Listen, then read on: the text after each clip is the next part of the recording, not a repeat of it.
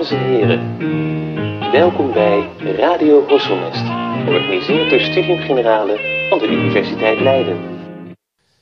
Beste luisteraars, welkom bij een nieuwe aflevering van Radio Horselnest. Ik ben uw gastheer Norbert Peters van Studium Generale. En vandaag schrijft bij ons aan Rogier van Vught voor een gesprek over de flora van Macaronesië. Van jongs af aan is Rogier al gebiologeerd door de levende natuur. Hij wist van zijn passie zijn werk te maken. Sinds 2010 is hij werkzaam bij Hortus Botanicus van de Universiteit Leiden. Inmiddels is hij daar hoofd horticultuur, waarbij hij niet alleen bijzondere plantencollecties in de kastcomplexen onder zijn hoede neemt, maar ook geregeld lezingen en colleges geeft en onderzoekers assisteert en adviseert en meeschrijft aan wetenschappelijke publicaties. Bovendien is hij met regelmaat in de media om bijzondere plantenverhalen te delen. Hij heeft zijn eigen YouTube-kanaal, Alles Wat Bloeit, en hij schrijft columns voor het tijdschrift Gardener's World Magazine. Ook zijn vrije tijd vult hij graag met zijn plantkundige passie. Hij kweekt vreemde planten en gaat geregeld op botanische expeditie. Dan zit hij tussen de nietsvermoedende vakantiegangers als een incognito moderne ontdekkingsreiziger. Zijn reizen brachten hem al naar IJsland, Lapland, de Seychelles, Réunion, Borneo en tal van andere plaatsen. Maar hij maakt ook kortere expedities naar België, Noord-Frankrijk en eigenlijk overal waar er bijzondere planten bloeien. Waar zijn voorgangers de natuur afstruinen en botaniseertrommels vol plantenmateriaal verzamelen om mee naar huis te nemen, legt Rogier zijn onderzoeksobjecten op een plantaardigere manier vast. Als natuurfotograaf heeft hij al duizenden plantensoorten in binnen- en buitenland vastgelegd in hun natuurlijke leefgebied. Zijn reisbestemmingen zijn doorgaans de meest zeldzame, soms zelfs uitgestorven gewaande flora. Een van zijn favoriete reisbestemmingen zijn de eilandengroepen van Macaronesië, een bijzondere geografische regio. We zijn blij dat hij te gast wil zijn bij Radio Horselnest voor een gesprek over deze bijzondere botanische bestemming. Rogier, welkom. Dankjewel. En dan, om maar meteen met de deur in huis te vallen, wat maakt die eilandengroep Macaronesië dan zo, ja, zo interessant als regio? Nou ja, het zijn uh, allemaal vulkanische eilanden. En dat betekent dat ze nooit vast hebben gezeten aan het vasteland. En alle soorten planten en dieren die daar uh, terecht zijn gekomen, zijn daar dus op een, zijn door, door de lucht of door de water gekomen. En zijn vanaf begin af aan gelijk geïsoleerd geraakt van hun voorouders op het vasteland. En krijg je net zoiets wat, je, wat iedereen kent op de Galapagos. Alleen het voordeel van Macronesië is dat ze veel dichterbij liggen en dat het heel goedkoop is om die eilanden te bezoeken. Want Macronesië klinkt heel exotisch, maar het zijn eigenlijk de Canarische eilanden, Madeira, de Azoren en de Kaapverdische eilanden. En vooral de Canarische eilanden zijn natuurlijk een super populaire vakantiebestemming. Uh, ja, waar je zeg maar uh, tussen het, uh, het, het uitgaand en semi-dronken publiek een goedkope vliegtuigstoel kan vinden naar een fantastische bestemming als het gaat om de natuur. Ja, want wat, wat was het eerste eiland wat je, wat je bezocht? Was dat ook die Canarische eilanden? Ja, zeker. Ik, toen ik kind was, ben ik met mijn ouders naar Tenerife gegaan. En dat was natuurlijk gewoon voor de vakantie. Dat was geen, geen botaniek. Ik denk dat ik nou, misschien tien was of zo. Um, maar ik was wel gefascineerd door de grote hoeveelheid cactussen die ik overal buiten zag. Waarvan ik inmiddels weet dat het geen cactussen zijn, maar wolfsmelksoorten. Um, en ja, het, het, feit dat die hele omgeving en dergelijke, dat dat, dat dat zulke andere soorten bevat dan dat, dat, dat ik hier in Nederland kende als kind. Ja, dat fascineerde en, en, en dat is eigenlijk altijd blijven hangen. En ik heb een, echt een zwak voor eilandendemen. Uh, dat is denk ik een beetje een algemene afwijking bij mensen die van natuur houden. Die vinden vaak eilanden leuk. Ze zijn overzichtelijk en je krijgt heel snel dat soorten zich uh, ja, gaan, gaan aanpassen en gaan veranderen. Want dat zeg je net al, eiland endeem. Dan moeten we misschien wel meteen even toelichten. Wat, wat maakt een soort uh, tot endeem? Nou, dat is eigenlijk heel simpel. Um, een eiland-endeem is een soort die alleen maar voorkomt op dat eiland. Dus, dus als je denkt aan, um, nou, ik zeg maar even de koala. Dat is een, een, een endemisch dier van Australië. Nou is Australië natuurlijk een enorm eiland. Tot zover je het überhaupt een eiland kan noemen. Maar um, er zijn heel veel soorten endemische planten en dieren die bijvoorbeeld alleen maar voorkomen op Tenerife. Of alleen maar voorkomen op Madeira. Of alleen maar voorkomen op één eiland van de Azoren.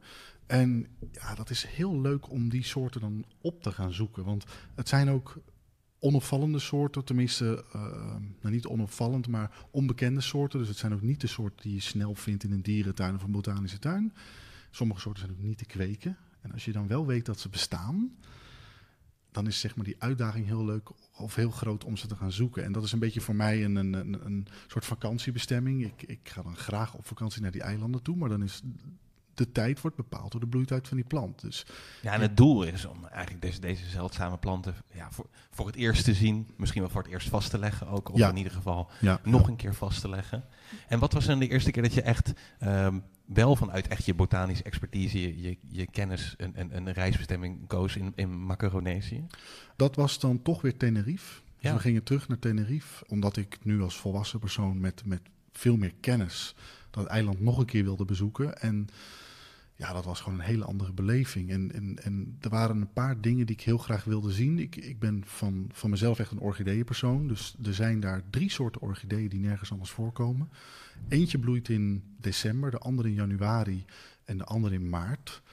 En ja, we hadden de, de, de natuurgoden met ons mee, want ze bloeiden alle drie op het moment dat we daar waren, in, in eind januari.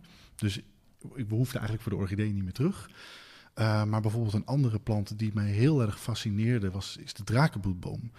Ja. Um, nou, dat is een plant die natuurlijk helemaal omringd is door, door mieten en zagen. En het is een plant die vooral op Tenerife heel beroemd is. Want je hebt in Icotolos Vinos, het, het, dorpje, heb je de, de duizend jaar oude drakenbloedboom. En dat is een beetje de, de Eiffeltoren van, van Tenerife.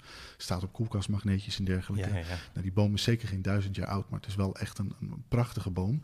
Maar wat het is, op Tenerife zie je overal drakenbloedbomen in tuinen. En waar zijn Ja. de wilde drakenbloedbomen in de tijd van Humboldt? Humboldt beschreef gewoon valleien vol met, met duizenden drakenbloedbomen. Nou, dat, dat, dat, dat weet jij natuurlijk ook, dat hij dat heeft beschreven. Dat beeld bestaat niet meer. Nee, nee. En dat is super jammer. En dat komt omdat nou ja, de, de sap uit deze bomen werd natuurlijk geoogst. Maar ook... Ja, eh, waarvoor eigenlijk? Misschien wel- Drakenbloed was natuurlijk een, eh, een, een, een ding wat, eh, wat eh, een beetje tot de verbeelding sprak. Want ja, drakenbloed, is een beetje al, ja, alchemisten zullen ermee hebben gespeeld, maar het had ook een medicinale werking. Maar het werd ook gebruikt als een grondstof voor vernis. Dus bijvoorbeeld de Stradivarius-violen hebben hun kleur te danken aan, aan de drakenbloedboom. Het is dus eigenlijk de hars die in, die Ja, in de bas ja. zit. Ja, ja, En, en dat maakt deze boom ook een soort van mythisch, want het verhaal gaat van, van Hercules. Moest hij de gouden appelen van de Hesperides stelen? Nou, volgens het verhaal, die tuin lag ten westen van de Atlas. Nou ja, oké, daar liggen de Canarische eilanden toevallig ook. En die appelen werden bewaakt door een, door een draak genaamd Ladon met, met vele koppen. En hij heeft dus die draak verslagen en dan gaat het verhaal door met dat uit het bloed van die draak vreemde bomen ontstonden met ook vele koppen. Nou ja, als je dat ziet, dan is een drakenbloedboom, ziet er precies zo, zo heeft, heeft dat uiterlijk. Het zijn maar- van die vele koppen Vele hè? koppen, ja. Het is een soort van gekke bezem, ouderwetse bezem qua, qua takken. Maar als je er vervolgens dan een mes in steekt, in, in de stam van de drakenbloedboom komt dus rood sap uit. Dus dat werd dus het drakenbloed. Nou, en dat werd natuurlijk eh, groot, ja, grootschalig geoogst. En dat was natuurlijk niet goed voor de bomen. Vervolgens was de, de, de, ja, de uitbundige voortplanting van geiten ook niet goed. Want die aten dan alle jonge plantjes op.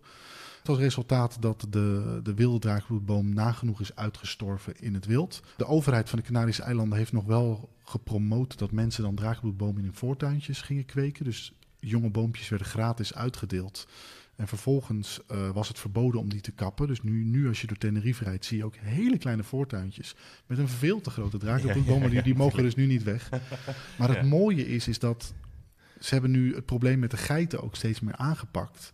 Er zijn nog een paar plekken waar wilde drakenbloedbomen groeien. Er is een hele mooie plek, helemaal in de, in de, in de, in, in de uiterste, ja, zeg maar oost, noordoostpunt van, van, van Tenerife.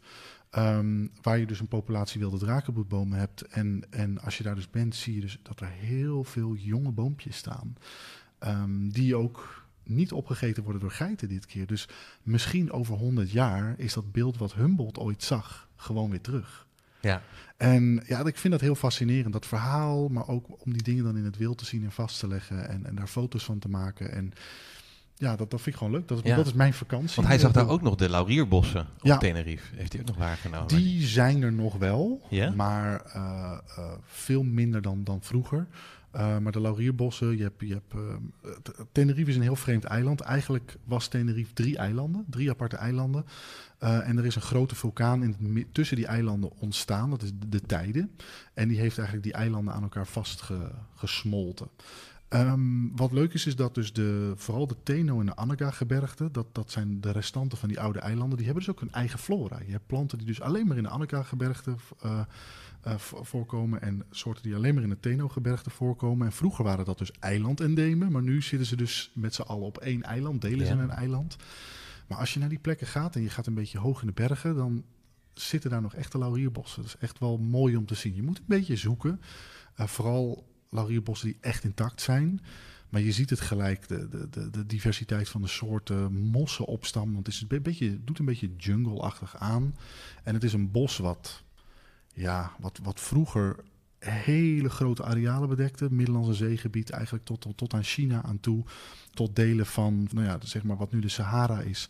Tot aan oostelijk uh, Afrika. Dat was eigenlijk gewoon één grote, ja. Hoe noem je dat, één grote band aan laurierbossen. Laurierbossen. Vergelijkbare vegetatie. En ja. het bijzondere is, is dat je hebt bijvoorbeeld eh, de Canarina canariensis. Dat is een, een klimplant uit de klokjesfamilie. Er zijn drie soorten. Waaronder dus de Canarina canariensis, duidelijk naar de Canarische eilanden genoemd. Maar de twee andere Canarina's, die vind je dus in oostelijk Afrika. In de bossen die zeg maar ja, de bron zijn van de Nijl. Maar omdat het klimaat daar ook nog goed genoeg was voor Canarina's om te overleven, zijn ze dus daartussen overal uitgestorven. Ja. En op de twee uitersten waar het klimaat eigenlijk intact is gebleven, zijn ze overgebleven. Dus het is eigenlijk op die eilanden een soort re relictflora. Ik las ook inderdaad, het heeft dus te maken met iets van toch de eigenlijk de ijstijden in Europa hebben eigenlijk, ja. eigenlijk dat laurierbos er min of meer uitgeduwd. Ja, het werd eerst te koud en daarna werd het te droog. Terwijl op de eilanden, um, door de invloed van de zee, is het nooit te koud geweest en vervolgens ook nooit te droog geweest. Ja. En, en dat is ook, uh, nou ja, dat zie je op Canarische eilanden redelijk goed. Maar de Canarische eilanden liggen redelijk zuidelijk en ook vrij dicht tegen de kust met Afrika aan. Ja. Dus je ziet ook dat de, de meest oostelijke eilanden, zoals Fuerteventura en Lanzarote, zijn heel droog. Want die hebben een beetje het Noord-Afrikaanse klimaat. Ook hele interessante flora trouwens. Echt vetplanten en, en, en, hele bizarre dingen die je nergens anders vindt.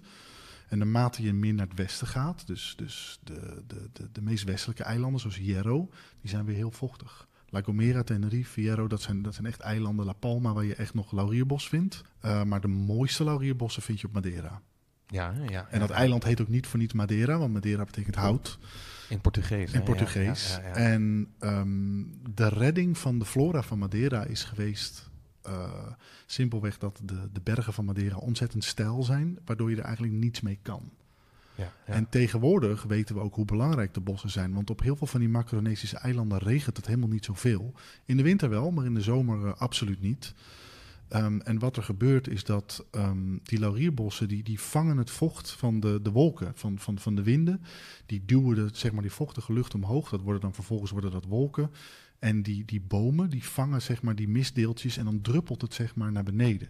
Dus het regent eigenlijk iedere dag, ook al regent het niet echt. En dan hebben dus de, de bewoners van die eilanden hebben dan uh, levada's gemaakt. Dat zijn kana kanaaltjes. Ook al heel Uh, lang geleden. Heel lang geleden. Die zijn al heel 16e oud. eeuw, uh, ja. de eerste. Ja, En ja. die brengen eigenlijk dat druppelende vocht uit die laurierbossen naar de laaglanden waar die mist zeg maar niet komt. Zodat de mensen daar het hele jaar door gewassen kunnen, konden verbouwen. En dat is zowel op Madeira als op uh, uh, Canarische eilanden dat je dat ziet. En het ja, feit dat je Tenerife heb je het ook inderdaad. ja, Ja, ja, het feit dat je daar bijvoorbeeld die bananenplantages hebt, dat kan alleen maar omdat er dus vocht uit de bergen wordt gehaald. En zelfs op het moment dat het niet regent, komt die vocht dus. Op het moment dat die laurierbossen echt weg zouden zijn, dan is dat hele sponseffect is ook weg. En dan drogen die eilanden dus echt uit. Dus gelukkig weten ze nu ook hoe belangrijk. Het is niet alleen maar van, oh het is de natuur en we moeten de natuur beschermen omdat, omdat we de natuur mooi vinden. Nee, die mensen zijn echt 100% afhankelijk van die bossen. En, en het feit dat die bossen ook echt die bomen zijn. Niet bomen die wij planten, maar nee, het moeten echt, het moeten echt lau- laurierbomen zijn. Uh, en dat zorgt ervoor dat, uh, ja...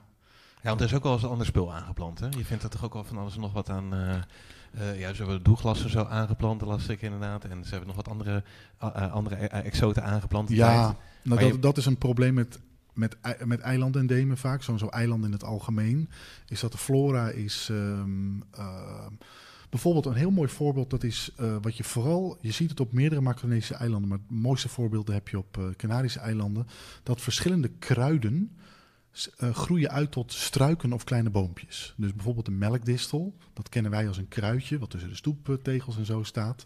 Op de Canarische eilanden groeien melkdistels uit tot, tot bomen die wel, nou, ik, ik heb ze gezien van drie tot vier meter hoog, met een houtige stam. Nou, de reden dat die planten dat doen is heel simpel. De grootste concurrent van de melkdistel is de weegbree en vice versa. Dus wat ga je doen? Uh, om, want er zijn namelijk geen grazers aanwezig. Er zijn geen konijnen, geen herten, die zijn niet aanwezig. Dus, want in feite dus, ja, die, die planten komen aanwaaien, die komen, die komen aanwaaien, aan. Precies, ja, en, en er zijn daar geen konijnen, geen herten, geen dingen van nature aanwezig. Dus ja. ze worden nooit...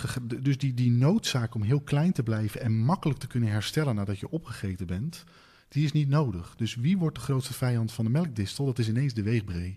Maar er zijn allemaal van die, van die slangenkruid bijvoorbeeld, heeft allemaal struikvormige soorten. En die moeten ineens tegen elkaar opboksen. Nou ja, wat gebeurt er nou op het moment als je op zo'n eiland, na miljoenen jaren dat dit zich heeft ontwikkeld, ineens konijnen en, en, en, en, en geiten loslaat, is dat die planten daar absoluut niet voor gemaakt zijn. Dus wat je nu ziet is op de plekken waar dus konijnen en, en, en geiten komen, is dat alleen de giftige soorten van die struikplanten dus overblijven. Dus de melkdistels redden het wel. Maar wat oudere exemplaren misschien ook al vanwege die houtige stam. Ja, ja, ja. Maar het zijn ja. natuurlijk vooral die jonge aanwas en zo, Ja, wat die- gewoon die- allemaal die verdwijnt. En bijvoorbeeld eh, Azoren is, nou ja, we hebben met, met alles wat bloeit een keer, en dat was gewoon, ik wa, nou, we waren op vakantie. Petra, mijn vrouw, die is van de, van de media, die, die, die filmt gra- eh, graag. Dus we dachten, weet je wat, ook al zijn we met z'n twee op vakantie, we gaan gewoon een uitzending maken van alles wat bloeit. Eh, zij filmen en ik vertellen. Chronologisch was het helemaal door elkaar heen opgenomen. Dus met de edit moest ik even alles op volgorde zetten. ja, want ja. anders, de, de editors wisten dat ook niet. Want dat wordt door, door, door professionals gedaan. En ehm, nou ja, we, we hebben ook echt in die uitzending zoveel aandacht besteed aan de invasieve soorten. Want het, het zielige is niet alleen dat die planten de boel overnemen, maar ook dat toeristen echt geen flauw idee hebben hoe erg het is. Want bijvoorbeeld de hortensia. Mensen die naar, die, naar, die naar de Azoren gaan, die zeggen allemaal van... oh, wat mooi die hortensia's. Al die hellingen vol met hortensia, blauw en wit. En oh, wat mooi, wat mooi. Nee, het is echt een ziekte. Het is echt een, een plant die daar naartoe is gebracht... omdat de, waarschijnlijk de Britten het een hele mooie plant vonden. En die heeft daar zo'n ideaal klimaat gevonden...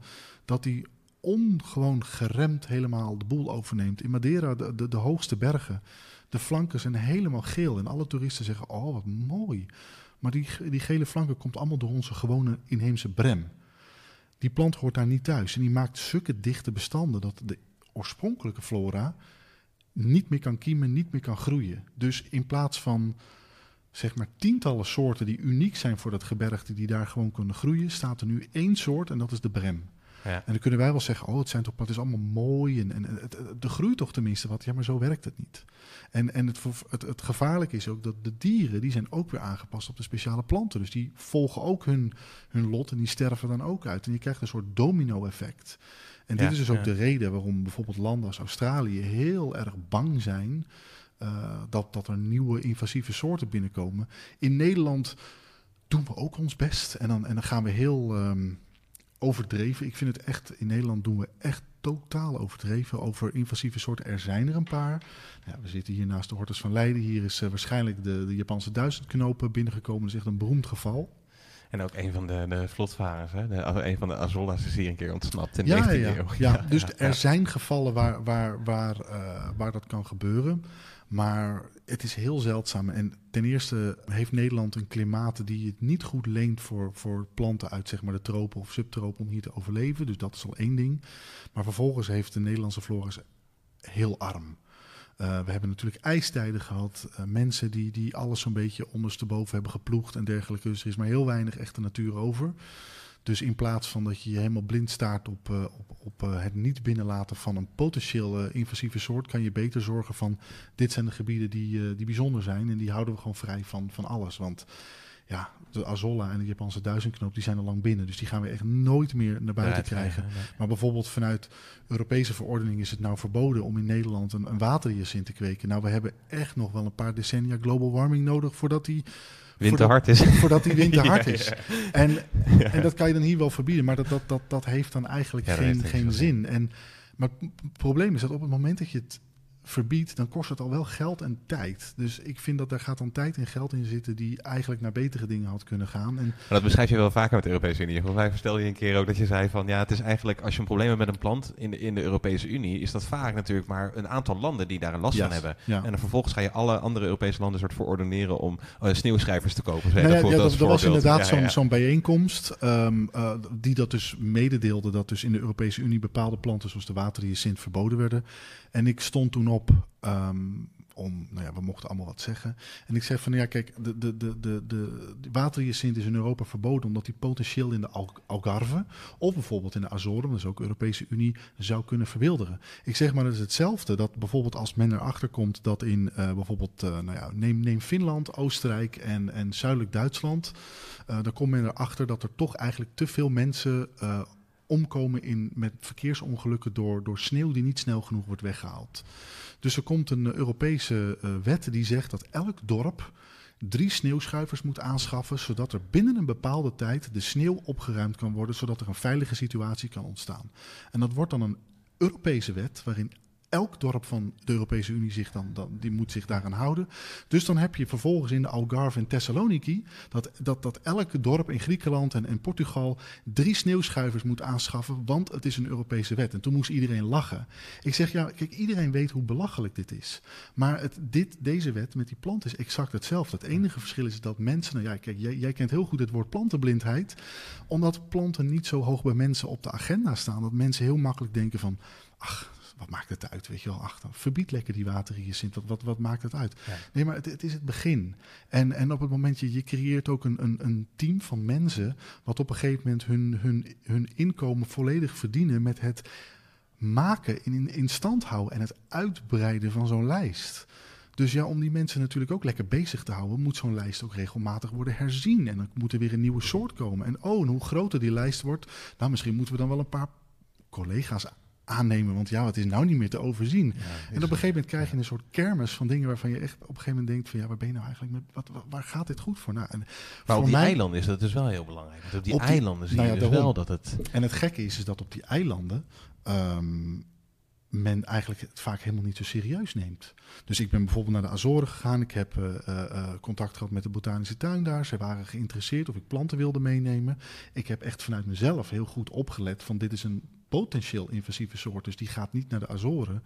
Maar vanuit de Azoren zelf helemaal niet. Ik, ik loop daar gewoon binnen met, met een tas vol planten. Het maakt echt werkelijk niet uit wat ik meeneem. Ehm, Werkelijk, ja. Want ja. ik heb, je hebt ook al zo'n foto gedeeld dat je echt een plant waar gewoon een kooi omheen stond. Dat vond ik ook zo, zoiets opmerkelijks. Mm. Was dat is om, denk ik, om dan geiten tegen te gaan, toch? Of?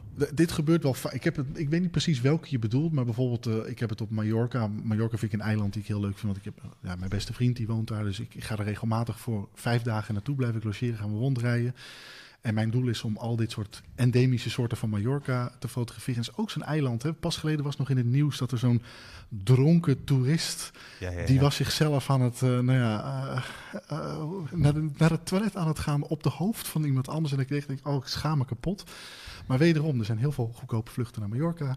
Maar daar heb je dus ook een aantal planten die dus ernstig bedreigd zijn. Maar ik denk dat je bedoelt in Madeira die bepaalde orchidee. Zou kunnen, ja. Ja, dat is de Gutierra macrophylla. Nou, dat, dat, die orchidee is voor mij heel dierbaar, omdat het een heel mooi verhaal is. Ehm, Madeira ook. Het is heel belangrijk om contact te maken met de locals. Dus ik ga eigenlijk niet naar een plek toe als ik niet contact heb met iemand die daar eigenlijk heel veel weet hoe het zit. Ehm, vind ik ook een soort stukje respect naar zo'n eiland zelf toe. Maar een, een vriend van mij die, die, die woont op Madeira en dat is eigenlijk net zo'n plantengek als ik. En die had ooit gehoord over een, een tomaatachtig plantje.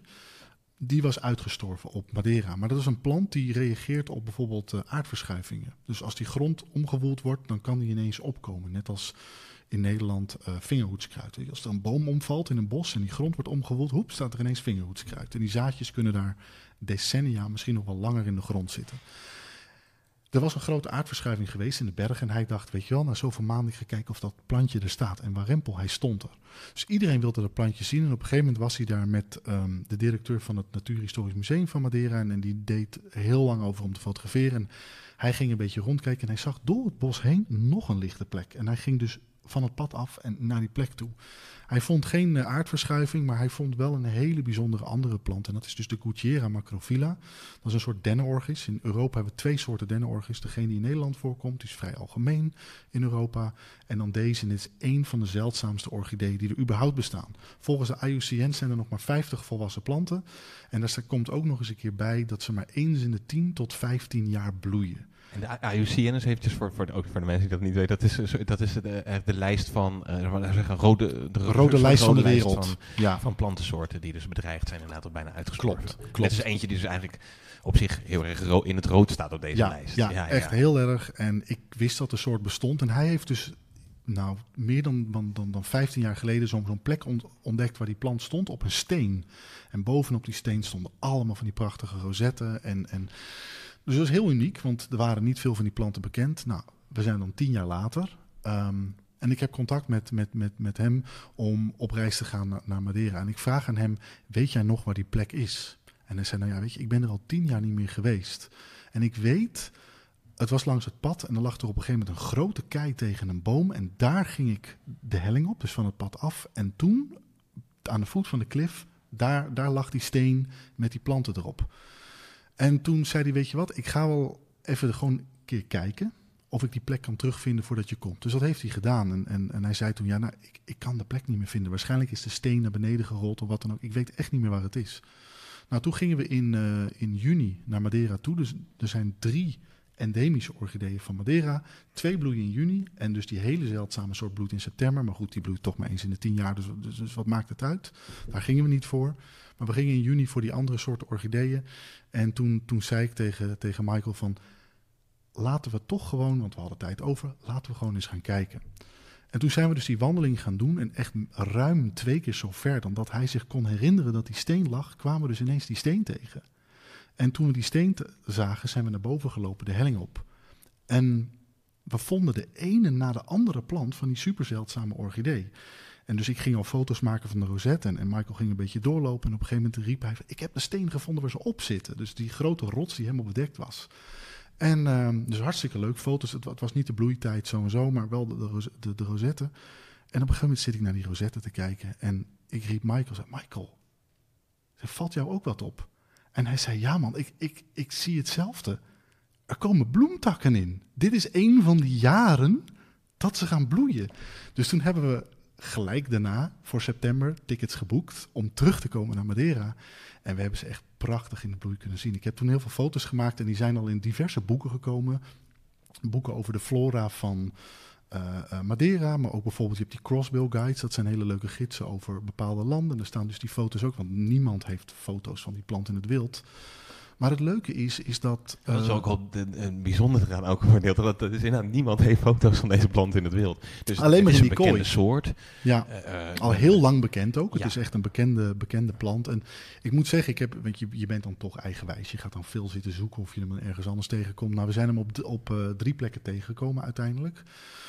Maar het leuke is dat ze in Madeira dus heel goed bezig zijn met het weer terugbrengen van die geitenpopulaties. En dat dat dus voor deze plant ook blijkbaar werkt. Want de laatste jaren komen er steeds meer vindplaatsen bij van de soort. En de laatste schatting is dat er nu al ruim duizend planten zijn. Dus het gaat goed met deze soort. Dus dat is wel echt. Uh, Want je deelt dan dus ook deze observaties. Tenminste, ik neem aan dat, je dan, ja, ja. dat je dat dan ook deelt. ik deel dat sowieso met, met de mensen, de, de, de lokale mensen. Uh, ja, je moet natuurlijk een beetje voorzichtig zijn met dit soort uh, locaties delen met, met, met, met, ja, met derden. Zo, ja, Want ja. vooral Europese orchideeën hebben een heel. Je hebt van die, van die net als bij um, vogels, je hebt van die twitchers. Dus mensen die eigenlijk zonder een duidelijke bedoeling willen gewoon alles zien. Nou, dat is natuurlijk hartstikke leuk. Maar sommige planten staan op zulke kwetsbare terrein dat je wel moet. Dus er was één plek waarvan ik wist van oké, okay, daar staan ze gewoon langs het pad. Ja. Dus die plek vind ik dan oké okay om te delen, want je kan hem gewoon zien van het pad.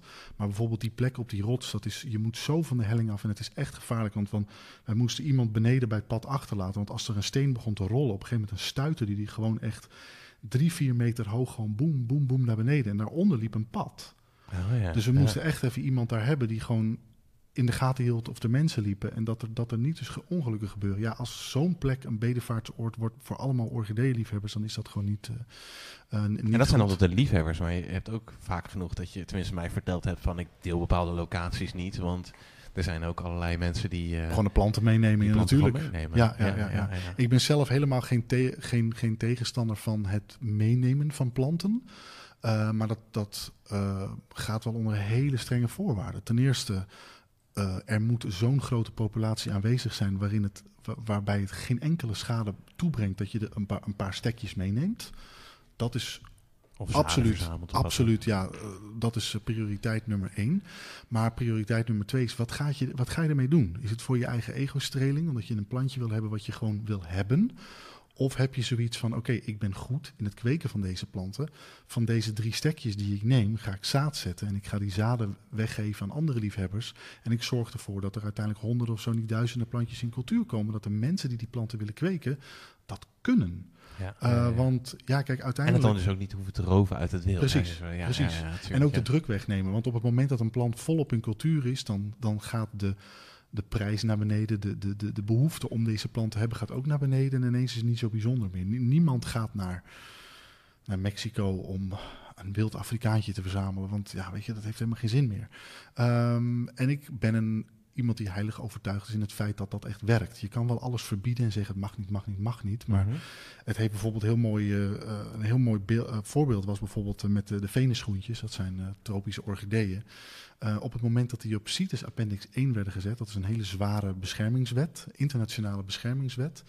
En dan heb je categorieën 1, 2 en 3. En 1 is de, zwaarste categorie. Dus dat is de pandabeer, neushoorn, die staan erop. Alle venusgroentjes werden er ook op gezet. Nou, vanaf het moment dat die dingen erop werd gezet, gingen de prijzen van die planten de lucht in. En daarmee dus ook de behoefte om die dingen te hebben.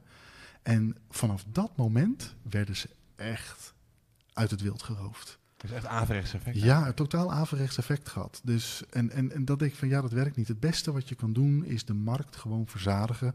Met de Wollemiden, die we hier ook in de Hortus hebben, hebben ze dat heel goed gedaan. Ze ontdekten deze unieke boom, prehistorische boom in een kloofje.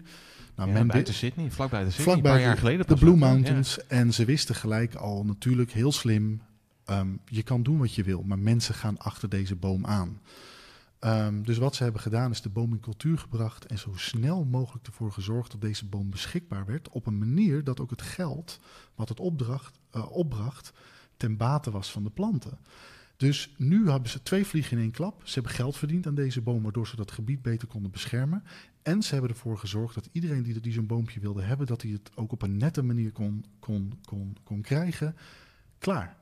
Ja, ja. Helemaal gewoon, het probleem is gelijk uit de lucht. Als ze dat anders hadden aangepakt, van oh, niemand mag deze boom hebben, niemand mag daar naar deze boom kijken, dan hadden ze de hele tijd een bewaker bij dat bos moeten zetten om te kijken of dat er ook echt iemand uitblijft. En het is niet nodig. Met planten kan je uit één vruchtje, Ja, ligt aan ja, soort, ja, met, soort, met orchideeën kan je duizenden planten uit één vrucht kweken. Je kan stekken, je kan meristemen, je kan allemaal technieken kan je toepassen om vanuit één plant kan je er ontelbaar veel maken. Dus je, je kan dat niet vergelijken met een neushoorn of wat dan ook. En Maar bijvoorbeeld, als je dan die eilanden bezoekt, k- kijk je dan ook af en toe een beetje met die me- meer horticulturele blik van, nou, dit zou juist ook al een plant zijn die heel interessant zou zijn om in cultuur te brengen? soms Of- wel, soms wel, maar ik, ik heb dan zelf, ik wil het dan wel echt eh, voor mijn vakantiehouders, voor mezelf wil ik foto's, eh, foto's Ja, maken. ja. Eh, maar soms kom je wel iets tegen waarvan je denkt van oeh, dit is wel echt heel leuk. Maar bijvoorbeeld een, een ander verhaal, we waren in de, de, de, de Azoren, dat was vorige zomer. En daar heb je een soort duizend gulden kruid. En dat is een endemische soort. Groeit heel gek genoeg aan de kust en in de bergen. Dat gebeurt wel vaker. Dat heb je in Nederland bijvoorbeeld met de kruisblad gentiaan, heb je dat ook. Dat is een beetje een, een, een, een heuvelland, semi-bergplant. En dan hier in Nederland groeit hij ineens aan de kust. Dus vrij, Ja. vrij Dat zie je veel, ja. Alpen, ja, heeft heel veel. En het En dat alpine komt- planten. En dat ja. komt in dit geval door de Rijn, want die zaadjes zijn gewoon hup, meegenomen. En die vinden hier weer een open, kalkrijk eh, gebied waar ze wat lijkt op hun, op hun, op hun huis. Nou ja, ik, eh, ik vond die dingen dus aan de kust en heb ze toen gefotografeerd. Want nou ja, alles wat endemisch is in ieder geval, dat moet op de foto. Leuk om, om hem te zien. En op een gegeven moment, een paar dagen later, waren we in de bergen. En dan zag ik ze weer aan de kant van de weg staan. En ik oh, auto's stoppen. Ook foto's maken hier, want het is een ander, andere locatie. Dat is sowieso interessant. En ik stap uit en ik zet mijn statief neer bij die plant. En ik kijk naar die plant. Ik denk, huh? Ik zeg, maar dit is, dit is een andere soort. Het is gewoon een compleet andere plant. Dus ik heb foto's gemaakt met de telefoon. Ik had van die andere ook al telefoonfoto's gemaakt. Opgestuurd naar de mensen van het herbarium al daar. Van joh, ik wil niet veel zeggen, maar dit zijn twee soorten. En eh, een uurtje later krijg je een reactie. Ja, ik heb het even aan mijn collega laten zien. En je hebt gelijk. Er zijn twee soorten endemische duizend gulden. Eh, dus in- gewoon op vakantie. eh, Een nieuwe soort een nieuwe soort. op, een, op een gebied wat heel goed eh, eh, eh, gebotaniseerd is. Maar dan heb ik het gewoon ook bij hun neergelegd. Jullie soort, zoek het lekker uit. Ja. Eh, dus ik hoop dat ze dat gaan beschrijven. Ik heb wel gezegd van als je hem een naam geeft, noem hem dan Centaurium azoricum. Want de andere endemische soort heet Centaurium scyloides. Wat omdat hij blijkbaar lijkt op een skila. Geen flauw idee, ik vind van niet. Maar zo'n naam hebben ze er helemaal aan gegeven. En ja, weet je, als het endemisch is voor, voor de Azoren, noemen we hem dan Azoricus. Maar goed, Ja, dus? Ja. dat, daar heb ik het neergelegd en eh, zoek het maar uit. ja, en je hebt ook al een paar keer echt hele mooie eh, foto's gedeeld van allemaal Mm. Ionium-soorten. Die, ook, die ook- groeien ook heel erg veel endemisch op deze, Ja. op deze eilanden, toch? Ja, dat Heeft- is ehm, met Macronesië heb je, je hebt invloeden vanuit het noorden. Dus je vindt op, op de Canarische eilanden, neem bijvoorbeeld Tenerife, heb je een hele bijzondere combinatie dat in een bos heb je bijvoorbeeld maartsviooltje. Wel een aparte variëteit, maar voor het oog is het gewoon een maartsviooltje. Die dus in Nederland ook voorkomt. En dan drie meter er vanaf groeit een ionium. En dat is een vetplant die ook een beetje als een boompje groeit. Familie van de huislook, dus zo ziet hij eruit. Het is een rozet op een steeltje.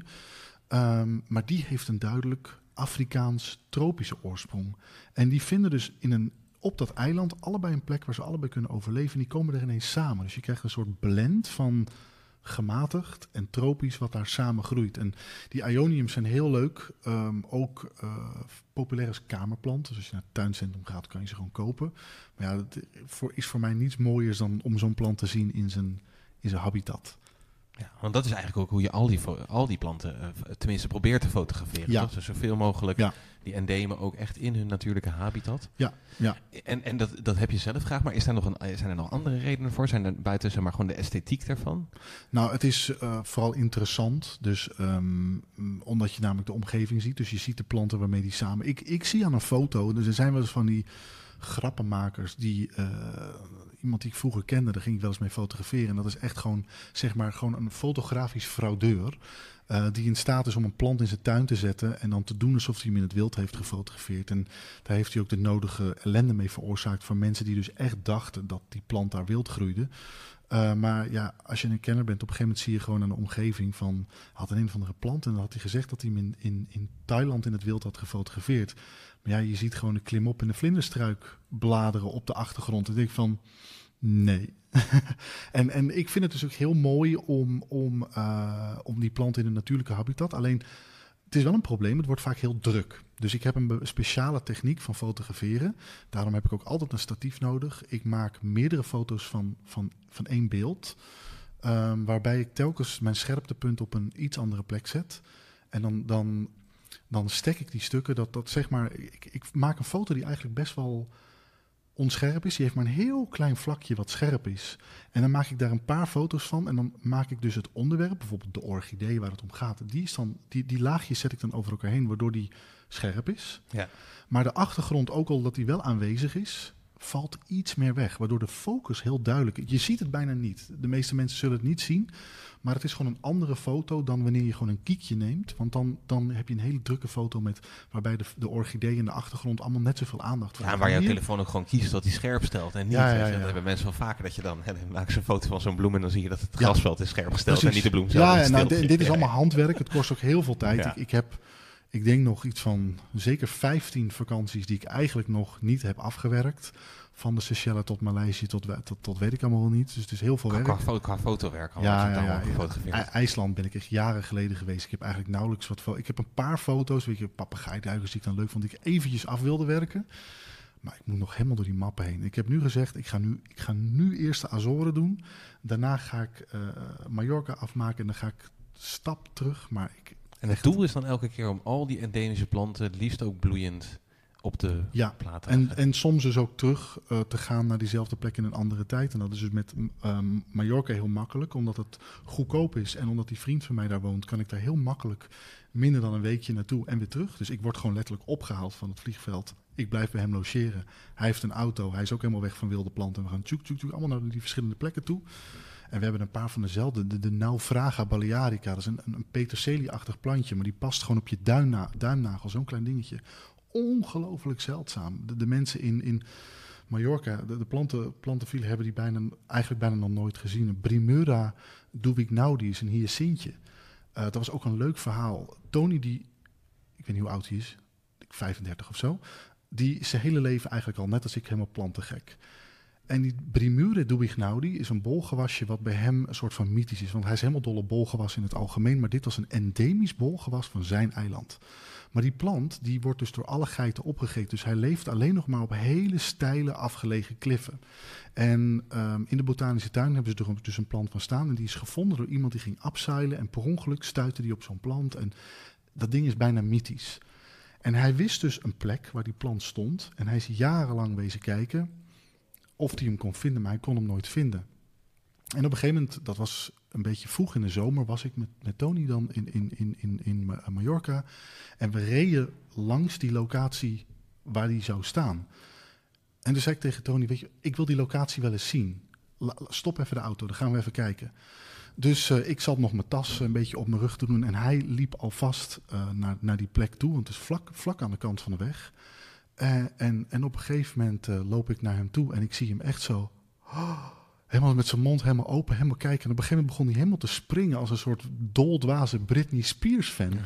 En ik keek op die rot en daar stond die, dat plantje dus gewoon te bloeien. Meerdere planten tussen de rotspleten stonden daar te bloeien. En toen stonden we dus allebei helemaal wild te springen. En er kwamen van die wielrenners langs. En die twee idioten zijn helemaal, helemaal gek geworden. Wat, wat is er nou aan de hand? En toen hebben we er dus ook nou, ik heb er sowieso foto's van gemaakt met mijn fatsoenlijke camera, maar ook met de telefoon. En die hebben we gelijk naar de, de andere plantenliefhebbers op Mallorca, de mensen van de botanische tuin en dergelijke, gestuurd. Nou, de volgende dag, iedereen ging allemaal er naartoe om te kijken. Ze oh, dit hebben we nog nooit gezien. Dit is zo zeldzaam. Ja, en dat is gewoon grappig. En dan gewoon op zo'n zo'n toeristeneiland als, als Mallorca dat dat, uh, dat dat gebeurt. Ja, dat is bizar. En op dus inderdaad zo'n rotsklif of, of zo'n zo, zo ja, ja, ja, Want ze groeien dus eigenlijk uh, alle plekken waar er dus inderdaad geiten grazen en zo. Ja. Daar, heb je gewoon, uh, daar zijn ze weg. Daar zijn ze weg. Ja, Dat, dat is echt een, een, probleem in heel veel van dat soort plekken. Dat is toch geiten. Geiten zijn zo niet kieskeurig in wat ze eten. Die eten alles op. En een bolgewas maakt natuurlijk één keer per jaar even blaadjes. Net als een tulp, die loopt uit. En als dat dan wordt opgegeten, dan is het ook gewoon weg. En als dat twee, drie jaar achter elkaar gebeurt, dan is het bolletje op. Kan die geen energie meer opdoen en dan gaat hij dood. Kijk, en, en bijvoorbeeld een weegbree of een paardenbloem, die is zo gemaakt, die heeft een hele dikke wortel. En als het blad dan wordt opgegeten en dan zit er heel veel kracht in de wortel, hup, dan maakt hij weer nieuwe bladeren. En als die er dan twee, drie maanden aan zitten, nou, dan kan die plant weer even energie opdoen. En dan zo blijft hij leven. Die, die zijn echt aangepast aan de situatie. En dat is natuurlijk dat is het gevaar als je inderdaad van die eilanden hebt waar je dus bepaalde fauna gewoon afwezig is, omdat ja. er geen grote grazers hebt. Dus zodra je die introduceert. Ja, zowel dier als plant is, is heel gevaarlijk. De eilanden Sint Helena is bijna niets meer van over van de oorspronkelijke flora. Ja, want daar had je enorme varenbossen, toch? Ik bedoel, zelfs Darwin beschrijft dat, dat die aan het verdwijnen zijn door het toedoen van, van de geit. Ja, ja. Ja, ja, of heeft Napoleon nog vastgezeten. En als Ascension Island, daar, daar, daar, kan je eigenlijk goed zien wat er gebeurt als, je, als er helemaal geen bos is. Nee. Dan is het gewoon een kale rots ja, uh, ja. in de oceaan. Hè? Daar Ja. is een bos nog geplant. En dan krijg je dus nu, inmiddels valt daar dus ook regen. Omdat ja, er dus precies. een bos is omdat er nu weer een bos is. En ik heb ook, nee, kijk, ik ben geen klimaatexpert. ehm, maar ik heb ook best wel het idee dat de klimaatverandering, niet de klimaatopwarming, maar de klimaatverandering ook heel veel te maken heeft met het feit dat wij echt zo hardnekkig overal bossen hebben verwijderd. En dan kan je zeggen, in Indonesië zijn bossen bijvoorbeeld wel vervangen door oliepalmen. Maar als jij, nou kijk, ik ben zelf, eh, ik kweek planten. Een, een palm, zoals een oliepalm, die heeft best wel dikke, harsachtige, nou ja, niet hars, maar een beetje vetplantachtige bladeren. Die is veel zuiniger met water. Als die zuiniger is met water, betekent dat die minder water verdampt. Dus het koelende effect van een, een palmenbos, een oliepalmenplantage, is veel minder dan van het oorspronkelijke bos, wat natuurlijk uit lagen. Je hebt de kroonlaag, je hebt de epifiet op de stam, je hebt de mossen, je hebt dan de onderlaag met de varens en dergelijke. Dat is één grote koelsysteem, want elk blaadje wat water verdampt, koelt. Ja. Nou ja, Ja. als je op die manier gewoon miljoenen hectares van dat koelende bos weghaalt. En of vervangt met niks, dus dat het een open land wordt, of vervangt met, met, met oliepalmen. Ja, dan moet je niet raar staan te kijken als ineens de bergen opdrogen en dat het klimaat opwarmt. eh, en dat je lokaal allemaal stormen en allemaal dingen krijgt. Want die hele thermiek, dus bijvoorbeeld als je een eiland neemt wat helemaal bedekt is met, met, een, met, een, met een gezond bos, wat heel veel water verdampt. En, en dat er gewoon, ja, gewoon, gewoon, gewoon koeling en, en wolken en mist ontstaan. En als je dat ineens vervangt door een veel droger bos, ja, dan, moet je, dan, dan is het niet raar dat het ineens dat je wervelwinden en, en, en droogtes en droogvallende rivieren krijgt. En dat, dat heeft denk ik niks te maken met CO2. Dat is gewoon te maken met dat je de complete, ja, zeg maar, de, de, de, de, de, inhoud van de vegetatie aan het veranderen bent. Ja. En elk regenwoud dat eenmaal is gekapt, wordt echt niet vervangen door regenwoud. En dan kan je wel met leuke plannen komen met we planten weer nieuwe boompjes. Maar boompjes zijn geen regenwoud. Een regenwoud zit helemaal vol met een, een, een spinnenweb aan soorten, aan, aan mycorrhiza, schimmels in de bodem. eh, soorten die allemaal interactie hebben met elkaar. En ja, als je dat kapt, dan kan je de boompjes wel terugplanten, maar dat is niet het ecosysteem. Dat, dat, het is weg. Nee. Dus- en dat is natuurlijk gigantisch. Als je kijkt naar luchtfoto's van Borneo, als je ziet inderdaad wat er aan oor oorspronkelijk Ongelooflijk. bos is verdwenen. En ik vind het storend dat er op het moment zoveel aandacht gaat aan CO2 en niet aan dit. Want op, over het algemeen, er zijn natuurlijk momenten geweest dat er veel meer CO2 in de lucht heeft gezeten in Nederland. Op het moment dat je een aarde hebt met een hele gezonde flora, nou op het moment dat er meer CO2 in de lucht is, nou dan gaan die planten alleen maar harder groeien. Er zijn kassen die letterlijk CO2 in, in de lucht pompen om die planten hard te laten groeien. En natuurlijk, het, het zal absoluut een effect hebben aan, op het klimaat. Maar je kan schroeven aan het, aan het klimaat, aan de lucht, zeg maar wat je wil. Maar als je de, de, de, de, de, hardware, van, de hardware van, van onze planeet niet, niet eh, intact laat, ja, Ja. dat, dat klopt niet. En is dat, is dat iets wat je ook, is dat ook op een bepaalde manier ook een soort les die je ook leert eh, na je, al je bezoeken aan die Zeker. Eh, bijvoorbeeld in? Maleisië, ik ben daar meerdere keren geweest met ook lange tussenposes ertussen. En nou ja, mijn, mijn eigen observering vind ik dan te matig om daar een conclusie op te trekken. Maar ik, ik heb natuurlijk wel contact met mensen die daar of wonen of, of die daar vaak komen. En dan heb je bijvoorbeeld eh, in Maleisië heb je van die nevelwouden. Eh, die zijn beschermd, bijvoorbeeld de Cameron Highlands. Die, dat is een beschermd gebied, maar het laagland eronder niet. Alleen het laagland eronder, dat bos, zorgde voor die nevel die die nevelwouden voeden. Dus toen ik daar zeg maar, eh, nou ja, ik weet niet hoe lang, dat is meer dan tien jaar geleden denk ik, toen ik daar was, alles was bedekt met mos. Als je praatte en je kon elkaar niet zien, dan werd het geluid zo goed gedempt dat soms gewoon dat je elkaar niet goed kon verstaan. Ehm, alles was zacht en, en bedekt met druppeltjes water. En nu, het mos eh, eh, breidt zich niet meer uit. Dus het zijn oude flappen met mos die al een beetje zijn opdrogen. De, de grond is nu bedekt met dode bladeren, want die verteren niet goed, want er is weinig water. En als je nu over de grond loopt, dan hoor je echt zo krk, krk, krk, alsof je denkt, wat is dit? Ja, en dan kan ja, je-. En dan kan je dat gebied wel beschermen van, oh, dit is een beschermd natuurgebied. En dan kan je wel zeggen dat mensen daar geen orchideetjes mogen plukken of, of wat dan ook. Ja, maar dat is niet wat het gebied nodig heeft. Wat het gebied nodig heeft, is dat het hele gebied eronder gewoon een bos was. En niet een oliepalmplantage of weet ik veel wat ze, wat ze, daar, wat ze daar kweken. En dat is echt, ja... En dit zie je dus eigenlijk ook bijvoorbeeld op zo'n- op een Madeira of op, op, op een Tenerife. Hmm. Dan zie je dit toch ook terug. Nou ja, ik- exact dat- maar- lagen. Ja. Maar, maar ook die, die, die lagen zie je inderdaad. Eh, maar ook nou, wat, ik- wat, wat, ik, wat ik eerder vertelde over dat, dus dat die, die, water van die levada's, wat die levada's brengen, dat dat. En gelukkig weten ze dat op die eilanden. Maar in andere landen hebben ze zoiets van ja. Al zouden ze het weten, maar als er een een of andere vriendje van een politicus even, even dik geld kan verdienen met, met, met de gekapte bomen die van die berg afkomen, dan wordt dat toch gewoon gedaan. ja, ja, ja, ja. Ja, en dat is echt een, eh, echt een, een Maar enorm op, op, probleem. op eilanden als Ma- Ma- Madeira of Azoren zie je inmiddels wel dat het, dat het aan het veranderen is, Helemaal, lokaler. Ja, Ja. En, en, en dat is natuurlijk ook gewoon een, een, een situatie waarin die eilanden zitten. Dat ze ja, zeg maar gewoon de, de, de, de rijkdom hebben om zich over dat soort dingen te bekommeren. Dat hebben we in Nederland ook. In Nederland hebben we de, de, de rijkdom ons, om ons te bekommeren over het stikstofprobleem. In een heleboel andere landen dat, is dat helemaal niet aan de orde, want ze hebben gewoon hele andere prioriteiten.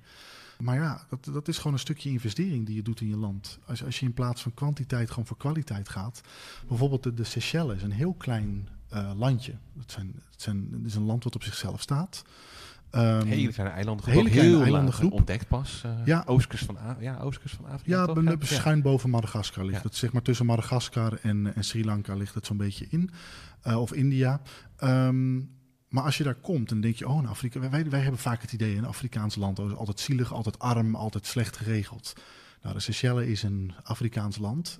Echt ontzettend goed geregeld. Ehm, bijvoorbeeld eh, de toerisme. Massatoerisme is gewoon uitgesloten. Hoogbouw is uitgesloten. Dus alle, alle gekkies die gewoon alleen maar daar naartoe vliegen om even lekker op het strand te liggen en zichzelf vol te gieten met, eh, met, eh, met, met alcohol, die mijden ze daar. En dan vervolgens neem bijvoorbeeld de Coco de Mer, die reuze kokosnoot, het allergrootste zaad van de wereld, een beetje een mythisch ding. Nou ja, weet je, dat, eh, er, is, er is een hoop eh, over geschreven in het verleden over dat ding. En, dat ding heeft nog steeds een, eh, een, een, bijzondere waarde. Maar vroeger werden die, die Coco werden gewoon uit de natuur geroofd en die werden dan verkocht. En daar had niemand wat aan. Ehm, heel vroeger, toen ze ontdekten, want de eerste Coco de Mers die waren natuurlijk, De Seychellen waren nog niet ontdekt. Dus op het moment dat zo'n zaad, zo'n zaad weegt meer dan 10 kilo, als hij in het water valt, dan zinkt hij naar de bodem en dan gaat hij op een gegeven moment rotten.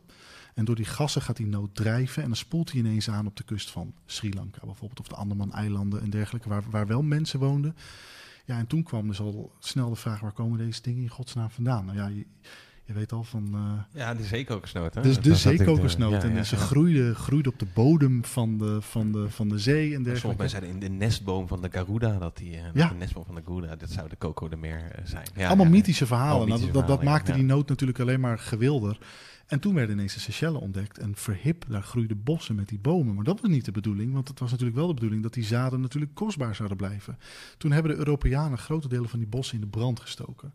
Uh, Coco de Mer kwam van nature voor op uh, drie eilanden, op uh, Eén daarvan leeft hij niet meer, dat is wel een klein eilandje, maar daar is hij uitgestorven. En op twee andere eilanden leeft hij nog wel, maar is hij echt verschrikkelijk zeldzaam geworden. Nou ja, dan kan je, dan kan je natuurlijk beschermen. Niemand mag eraan zitten, bla bla bla, maar dat helpt niet. Seychellen hebben iets heel bijzonders gedaan. Ze, ze weten natuurlijk dat zo'n boom maakt meer zaden dan dat nodig is voor het behoud van de soort. En dat je zelfs, als je de soort wil uitbreiden, dus dat er meer komen, dat je nog steeds een deel van de zaden kan verkopen. Nou, dat doen ze dus. Ze zagen die noot open. De inhoud wordt verkocht voor de Chinese markt voor ongeveer 100 euro per kilo. Nou, als zo'n noot. Want dat is ook als medische noot. Ja, ja, ja, In Nederland heel lang geleden. In Nederland ook als medische noot. Ja, precies. en en, en dat, zeg maar, nou ja, dat is, 100 euro per kilo. Dus dat, dan, dan brengt zo'n noot al 1000 euro op. En dan vervolgens wordt die noot weer aan elkaar geplakt. Wordt, wordt een beetje weggeveild, die, die naad. En dan zie je er niks meer aan. Dan heb je een lege noot, wat natuurlijk een superleuk toeristen-item is. En die wordt ongeveer op de Seychelles voor nou, 350 tot 500 euro worden die verkocht. Ligt een beetje aan de kwaliteit. En dan krijg je, de, er zit er een keurmerk op, um, dat je het land mee uit mag nemen. En op die manier wordt er heel veel, dus ik zeg maar wat, laten we het houden op 1300 euro per noot wordt er, wordt er verdiend. En dat geld wordt weer geïnvesteerd in de uitbreiding van het natuurgebied waar die dingen groeien. Want dat is het, het, gebied zelf is, is bos, maar eromheen is allemaal grasland, omdat het vroeger is afgebrand. En het grasland, dat zijn ze nu weer helemaal aan het beplanten met niet alleen jonge coco de merpalmpjes, maar ook de andere endemische en inheemse struiken en bomen. En je ziet dat dus in lagen gebeuren. En je ziet dus nu dat, dat door de verkoop van dat bedreigde ja, door de verkoop van de zaden van die bedreigde boom, dat niet alleen die boom, maar alle natuur eromheen nu aan het uitbreiden en, en, en, en, en, en ja, dat, het, dat het beter wordt, zeg maar. Nou, dat is voor mij echt een heel goed voorbeeld hoe het ook kan. En dat is iets waar we in Europa nog een heel lesje van kunnen leren. Want in, in Europa, omdat het ons eigenlijk ook niet echt interesseert, uh, verbieden we gewoon alles. Ze hebben het geen... in het vroeger wel eens gehad met de Edelwijs, toch? De Edelwijs werd vroeger ook zoveel ja. op uh, aanzichtkaarten en zo geplakt. En die werd massaal uit het wild geplukt. en toen werd uiteindelijk in Nederland uh, Edelwijs, want Nederlanders zijn hele goede kwekers, werd in Nederland Edelwijs massaal gekweekt. En de Edelwijs die je dan in Zwitserland kocht, die kwam uit Nederland. En, en dat is heel grappig dat Nederlanders dus in Zwitserland een edelwijsplantje kochten, wat gewoon in, uh, in het Westland ergens. Uh, Terwijl ze moeten denken dat ik aan die hoge Alpenweiden die dan staat. Nou, grappig is Maar dat heeft wel geholpen, want daardoor is uh, de edelwijs als wilde plant werd met rust gelaten. Ja, ja. En dat, maar ja, dat. en die zie je nu weer terugkomen, toch? Het is eigenlijk nu weer een. gaat ja, hoor, ik, ik, ik ken plekken zat in Zwitserland. Als je daar naartoe gaat, dan zie je volop edelwijs. Ja, ja, ja. En dan ben ik ook wel benieuwd, wat, wat wordt, je, eh, wordt een van je volgende bestemmingen? Ja, je zei al, je gaat Azoren uitwerken. Wat ja. wordt ook een van je volgende reisbestemmingen weer Macaronesië? Of zijn er nog eilanden misschien in de groep? Ik heb sowieso de Kaapverdische eilanden nooit bezocht. Nee, hè? nee uh, maar die, ik had daar minder behoefte aan, omdat die, die liggen zo ver weg uit de richting van de andere, is dat ze eigenlijk niet de hele typische Macaronesia... Caverdes liggen meest zuidelijk. Echt. Veel zuidelijker. Nou, echt, echt een stuk zuidelijker. Dus het is, ze hebben een, een tropisch klimaat. een beetje ter hoogte van Senegal of ja, zo. Precies. Een beetje die, uh, ja, ja, ja. en dat is een heel ander klimaat. En er zijn wel wat, bijvoorbeeld zo'n slangenkruid. En er zijn wel een paar van die een ioniums. Er zijn wel een paar van die, van die dingen. Maar over het algemeen heeft het een hele andere vibe en een hele andere flora. Maar ik wil ze natuurlijk wel een keer zeker wel een keer gezien hebben. Azoren wil ik sowieso naar terug, omdat er uh, uh, in een andere tijd. Er zijn echt een paar hele mooie soorten die zeg maar twee maanden later bloeiden dan, dan dat wij er zijn geweest. En dat zijn ook weer orchideeën dan? Of zijn dat andere? Nee, de orchideeën van de Azoren hebben we allemaal Heb gezien. Allemaal? Ja, de Azoren, daar ging ik eigenlijk naartoe voor de Platanthera azorica. Dat was een, een orchidee die is 100 jaar kwijt geweest. Is echt een bizar verhaal. Um, het was notabene de, de, de, de, de orchidee die is naar de Azoren genoemd. En die hebben ze heel lang geleden beschreven. Uh, maar die leeft alleen maar op een paar bergpiekjes. En op een, een of andere manier zijn in, in, in die honderd jaar daarna mensen te lui geweest om op die bergpieken te gaan kijken. Dus ze hebben alleen maar de twee andere soorten die er een beetje op lijken, die hebben ze dan wel gevonden. En toen was er een beetje een verwarring met, ja, welke plant is nou wat? En toen hebben ze dus een andere soort Platanthera azorica genoemd. Uh, omdat ze dachten, nou ja, hij zal wel verkeerd getekend of beschreven zijn. En op een gegeven moment, uh, nog niet zo lang geleden, was er dus een, een, een, een, Brit, ook weer dus waarschijnlijk een vakantieganger, die dus wel op die hoge piek was, was en dacht van, uh, maar wacht eens even. En die plant stond bekend als de allerzeldzaamste orchidee van Europa. Um, hij leeft alleen op de eilanden Fayal en South George. Uh, we zijn eerst naar Fayal toegegaan, omdat daar heb je ook de botanische tuin, hadden we contact. En, en, de mensen daar die konden me echt exact laten zien waar die plant stond. Dus dat gaf een beetje zekerheid en dat is ook gelukt. We hebben hem ook gezien. Op South George konden, we, konden zij niet exact vertellen waar die stond, maar ik had wel een idee.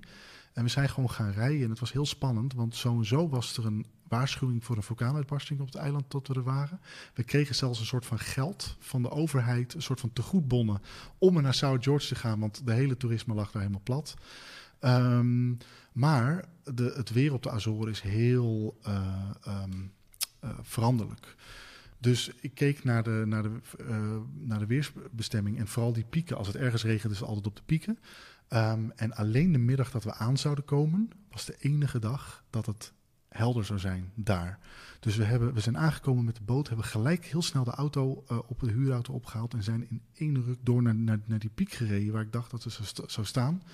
En uh, Petra ging rijden zodat ik goed kon kijken. En op een gegeven moment zag ik aan de berm, denk ik, hey, dit zijn de planten die ik op Fayal ook heb gezien samen met die orchidee. Dus dat, dat zit altijd zit een beetje, dat zijn hun vriendjes, zeg maar. Gemeenschap, ja. ja. Dus ik stop de auto maar hier ik ga even kijken. En ik stapte uit en op nog geen drie meter van de auto stond de eerste plant. En Peter keek uit het raam. Ik zeg, nou, ik zie er daar nog één en nog één en nog één. En op een gegeven moment, na een paar honderd planten, zijn we ook echt gestopt met tellen. Dus ik, ik geloof niet dat het de zeldzaamste orchidee van Europa is. Maar hij is wel degelijk uh, zeldzaam. En uh, uh, ja, dat is ook leuk om die te vinden. Er is ook heel veel foto's van gemaakt. Ja. En, dus Azoren wordt zeker. En is nou honderd jaar dat iemand die ja. heeft gekeken, is die eindelijk weer een keer goed gefotografeerd. Ja, ja, ja. En, uh, en, en, nou ja, we hadden dus die uitzending gemaakt uh, uh, voor alles wat bloeit erover. En laat ik, ik kende die man niet en ik wilde hem ook niet, ik wilde niet contact opnemen met die man die ze dus ontdekt heeft, die dat artikel had geschreven. omdat ik denk van ja, ik ken jou niet. En als ik dan gelijk ga vragen waar staan die planten, is het een beetje, komt een beetje brutaal over. -hmm. um, maar ik kreeg later van een vriend die hem dus kende, die, die, die Bateman heet die, die man. En die had dus het filmpje gezien. En die zei wat ontzettend leuk om uh, ze ook op het andere eiland, want hij had ze nooit op het andere eiland gezien, maar ook om te zien dat het zo goed met ze gaat. En uh, dus die had dus blijkbaar het filmpje gezien. Dat is heel leuk. Dus ja, dan, dat dan, is komt leuk, dat, ja. dan komt, komt dat weer terug. elkaar. Ja. En, en want je zei al inderdaad van je bereidt je dus ontzettend voor eigenlijk ook, dus ook door lokale mensen te zoeken, door Ja, lokale hulp. En de flora te kopen van het. uh, Ja, de flora toch ook. Ja, Dus bijvoorbeeld, eh, ik koop altijd, als die er is, een flora van dat gebied. En bijvoorbeeld de Seychelles ook. Ik wist niets van de Seychelles, behalve een paar dingen waarvan ik wist dat ze daarvoor kwamen, zoals de Coco de Mer. Uh, maar ik bestel dan de flora even ruim van tevoren. En die leer ik zeg maar praktisch uit mijn hoofd. Dus het is heel leuk dat ik kom aan op een plek waar ik nog nooit ben geweest. Ik ga een bos in waar, wat, wat helemaal niet mijn huis is. Maar ik weet gelijk van, oké, okay, dat is dat, dat is dat, dat is dat. Oeh, dat is zeldzaam, daar moet ik gelijk even een foto van maken. Dit is algemeen, ik vind hem nog niet zo mooi. Ik wacht wel totdat ik een mooiere vind. En het is, je bent er nog nooit geweest, maar je kent eigenlijk alle soorten. Maar dat kan op eilanden. Ja, ja. Bijvoorbeeld op, uh, in Maleisië of Borneo, als dat is dan ook een eiland, maar dat is echt een groot eiland, onmogelijk. De flora van, van Indonesië en, en, en Brazilië en, en dat soort landen, Maleisië is zo complex dat ik kan, als ik naar Borneo ga, ik kan wel de, bijvoorbeeld veel geslachten herkennen, met name met orchideeën. Ik weet, oh, dat is een liparis, dat is een dendrobium, oké, okay, oké, okay, maar dan moet ik vervolgens wel echt op gaan zoeken wat het, wat het is. Maar de flora van eilanden is over het algemeen relatief mager. Ja, dat is gek, hè? Dat is eigenlijk een arme flora. Ja, het is een arme met flora. een hele hoge hoeveelheid van nou, vaak endemische flora Ja, ja, ja. of bijzondere Ja.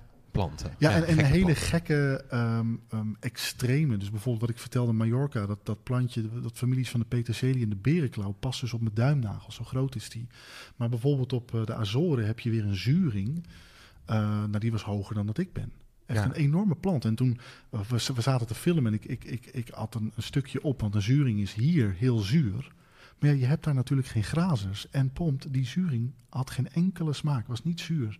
Dus de, de, de, dat, die, die, dat afweermechanisme, wat natuurlijk altijd energie kost, Ja. eh, omdat het daar niet nodig is, heeft die plant dat niet. Dus die was gewoon niet zuur. En waarschijnlijk kon die die extra energie steken in het feit om gewoon lekker groot en robuust te worden. En dan zie je dan ook andersom, zeg maar, dat je andere bestuivingsbiologie krijgt op eilanden, omdat Ja, de ja. aanwezigheid van bestuivers ook anders is?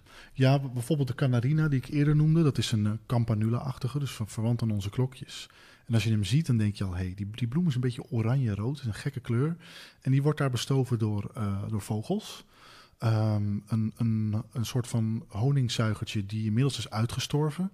Maar tegenwoordig wordt de, die taak opgevangen door een chifchaf. Dus gewoon eigenlijk dezelfde chifchaf die wij hier hebben. En we hebben dat ook gezien. Dat die vogel ook echt, die gaat dan onder de bloem zitten. En dan duikt hij, woep, duikt hij de, de bloem in. En dat, dat, dat nectar is net, heel veel nectar zit erin. En dat drinkt hij dan op. En dan gaat hij naar de volgende bloem. En, en ondertussen, ondertussen komt dat stuifmeel dus op zijn verenkleed terecht. En dan gaat het zo van bloem naar bloem naar bloem. En die chifchaf vervult dus eigenlijk de functie van een bij. En op Madeira heb je een, eh, een moesia. Dat is ook wederom een plant uit diezelfde familie, die Campanula-familie. Ehm, en die groeit op de rotsen en is een beetje een gekke platte plant. En dat is dus de eerste plant waarbij is ehm, eh, ontdekt dat die 100% door hagedissen wordt bestoven. Dat is ook zo ontzettend vreemd. Ja, ja, En ja, dat- is totaal niet als bestuiver natuurlijk. We Nee. denken natuurlijk doorgaans inderdaad aan de bijen, wespen, hommels. Ja, ja, ja. Ja, vogels dan misschien ook nog wel. Een kolibrie, een kolibrie is een typische, typische bestuiver. Maar die, die, ehm, die, dat stuifmeel is ook een beetje plakkerig. Maar ik was ook benieuwd naar dat nectar. Dus ik heb dat nectar op mijn hand gedaan en, en, en, en ge- opgedronken of gegeten. En die nectar is hartig. Dat vond ik zo gek. Dus ik Ja. had gedacht, die is zoet. Want de, eigenlijk, nectar is altijd zoet. Uh, Was maar dat deze- je liet zien met een beetje dat rode... Of was het niet rood nectar? Nee, Nee, dat, dat is de Nesocodon. En dat is ook wederom weer uit dezelfde familie. Oh, ja, Eh, en die komt uit Mauritius. En die wordt bestoven door Velsuma-gekko's. Dus ook weer een hagedis. ja. Ja, ja, ja. Oh, ja, en dat, die, dat, ja, dat nectar is eh, rood. En er zijn een aantal planten die dus niet verwant zijn aan elkaar. Je hebt bijvoorbeeld die Campanula-achtige, maar ook een, een plantje die familie is van de hibiscus. En die hebben allebei klokvormige bloemen met rood nectar. En die worden allebei bestoven door zo'n hagedis, Zo'n ja. Velsuma. Dus blijkbaar vindt hij dat rood. Sowieso, eh reptielen kunnen vaak kleur zien. Dus, dus rood is echt zo'n zo'n triggerkleur. Eh, dus waarschijnlijk werkt dat goed. Dat, dat, zo- dat zo'n dat zo'n hagedisje goed kan zien van... oeh, er zit lekker veel nectar in dat hij dat eh, opdrinkt. Ja, en hartig dus. Ja, heel Ja, maar die, die. Nesocodon uit Mauritius Oh ja, is wel zoet. Die is wel zoet. Ja, die is wel zoet. ja. Sowieso Velsuma, die, die gekko's zijn altijd dol op, op, op zoetigheid. Ja. Ja. Maar ik- ja, ik had je natuurlijk al gevraagd. Dus inderdaad, de volgende reisbestemming is Kaapverdische eilanden mogelijk. Nou, ik weet niet. Die, eventueel? die staan op de lijst. Eh, ehm, er is al een volgende reis wel gepland. Maar dan ga ik gewoon weer even in mijn eentje naar eh, Mallorca toe. Oh, ja, Eh, ja, ja, want in het mediterrane gebied heb je vaak... Kijk, het klimaat van het mediterrane gebied is de zomer is de rusttijd. Dus wat bij ons de winter is, is in het mediterrane gebied de zomer. Want dan, dan staat alles even stil. Het is gewoon te droog om te groeien. Maar ik ben tot nu toe eigenlijk altijd in het voorjaar en de vroege zomer geweest. Maar in het najaar, zodra de, zodra de regens vallen, kom- komen sommige dingen al tot leven. Dus er zijn bepaalde bolgewassen en dingen die dus in de herfst bloeien. En die heb ik nog nooit gezien. Er zijn hele leuke narcisjes die in de herfst bloeien. Dus zeg maar, weet ik veel, september of zo. November, of, ja, september, oktober waarschijnlijk. Even naar, eh ja, naar Mallorca op en neer. toe. Ja, Nou, ontzettend leuk. Ik, ik, ik, ik wil je hartelijk danken voor dit ontzettend fijne gesprek, Rogier. En ook natuurlijk de luisteraars thuis dank voor het luisteren. En eh, tot de volgende keer. dankjewel. Dit was weer een aflevering van Radio Horselnest. Dank u voor het luisteren.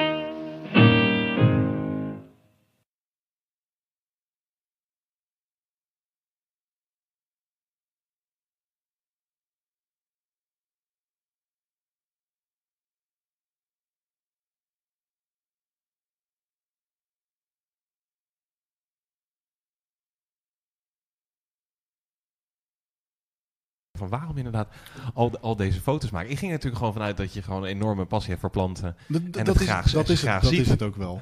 Dat, dat is het ook wel. Maar het is ook wel fijn dat er wat mee gedaan wordt. Dus eh, ja, kijk, zeg maar, de doel van deze foto's voor mij eigenlijk is, is ik vind het heel fijn, dat is ook het motto van, van de Hortus, om een soort van ambassadeur te zijn van het plantenrijk. Ik vind, nou ja, jij, jij praat ook vaak over plantenblindheid.